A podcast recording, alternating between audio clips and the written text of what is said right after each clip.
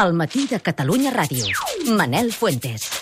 I els alumnes de primer de batxillerat del Col·legi dels Maristes de Rubí que aplaudeixen així de bé a Màrius Serra i els seus llibres.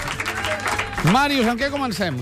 Venim Bon cada dia, dia, eh? Aplaudiu com ningú. Sí, sí, Rubí, a Rubí, escolta, no sé què els Sí. donen, però fantàstic.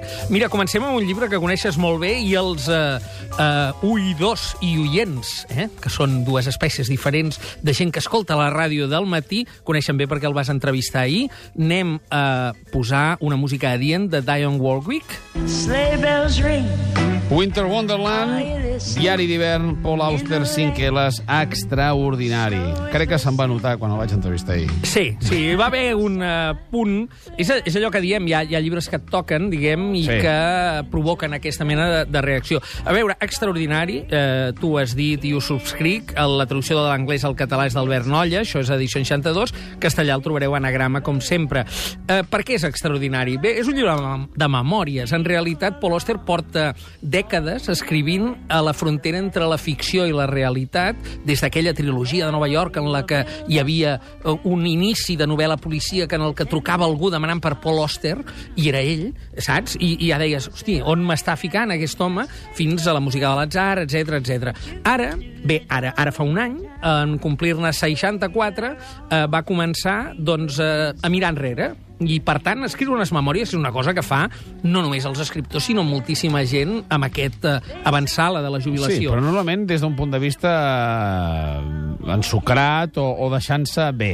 Autolaudatori. I en aquest punt jo vaig començar parlant-li de, de que podien ser impressionistes en el sentit de que sembla que de la nevera tragués moments mentals o viscuts o sentimentals i te'ls anés posant un darrere l'altre. I deia, sí, sí, són com fragments, no? És clarament això, i la tria és molt important.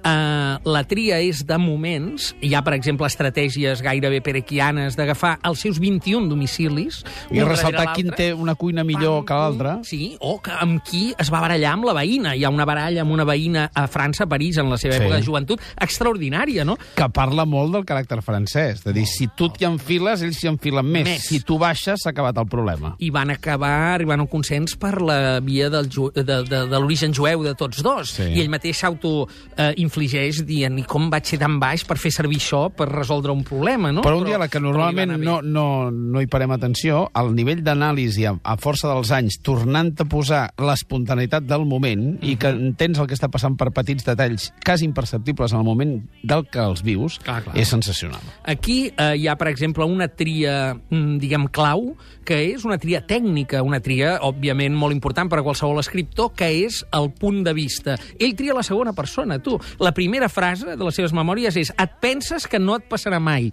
I a partir d'aquí comença a dir tot el que li ha passat, però mm, interpel·lant-se. Saps tant, que ho va explicar ell, això, per què? No? Per què? Diu, perquè ell s'ha de mirar a si mateix com un personatge. Clar.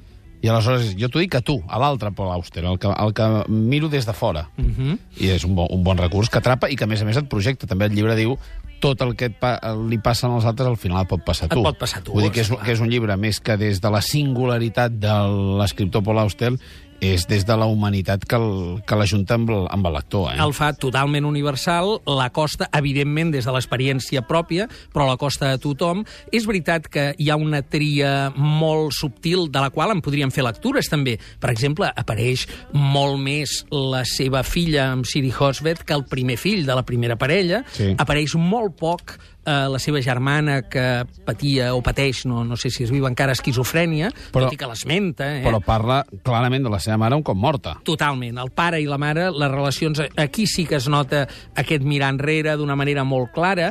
No hi ha gens d'autobombo, sí que parla d'algunes obres seves, però com a referència de dir, llavors, en aquella època estava escrivint això, aquella casa eh, estava com endimoniada i va ser el producte del meu, del meu divorci, no?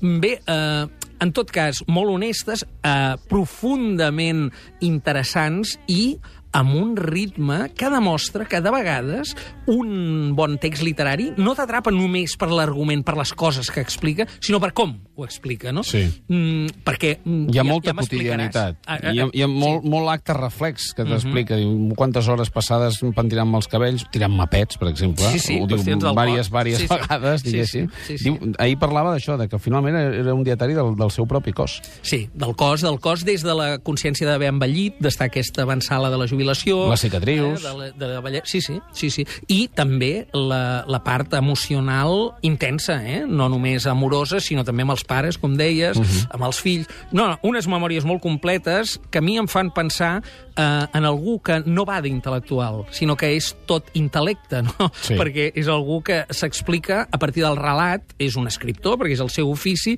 explica el món, explica com el veu, eh, però te'n fa partícip, tu t'apuntes, això és un tren i tu hi puges, no? Mm. I bé, i no, no et pots aturar fins, a, fins al final, per tant el recomanem, eh, diguem, fervorosament. En els mots clau jo hi posaré una cullerada final. Molt bé, doncs co- començo pels que he posat jo, que són memòria, escriptura, lectura, casa, Siri, Siri Hosbet, la seva parella actual, la també escriptora, i Brooklyn, posava jo per acabar, què hi afegim? 23F.